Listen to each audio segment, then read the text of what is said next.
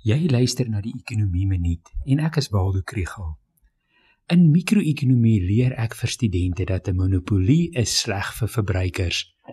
In vergelyking met 'n mededingende mark, vra die monopolis 'n hoër prys en minder verbruikers kry die produk of diens.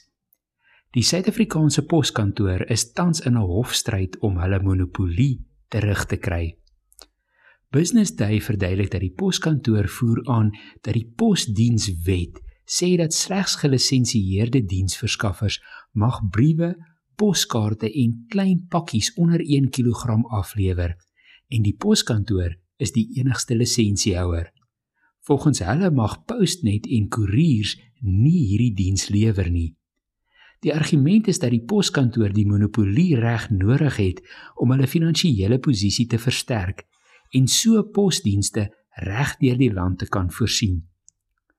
Mens hoef nie onlangs by 'n poskantoor in te stap om te weet dat meeste van die 2400 takke disfunksioneel is nie. Die poskantoor kon oor die afgelope 10 jaar nie winsgewend bedryf word nie. In mikro-ekonomie handboeke is daar wel gevalle waar dit sin maak om 'n monopolie reg toe te ken. Dit is as die monopolis so 'n innoverende produk of diens het dat dit alle verbruikers beter aflaat.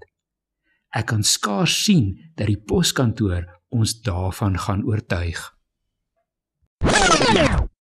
As jy meer van die ekonomie wil leer, volg die ekonomie blok.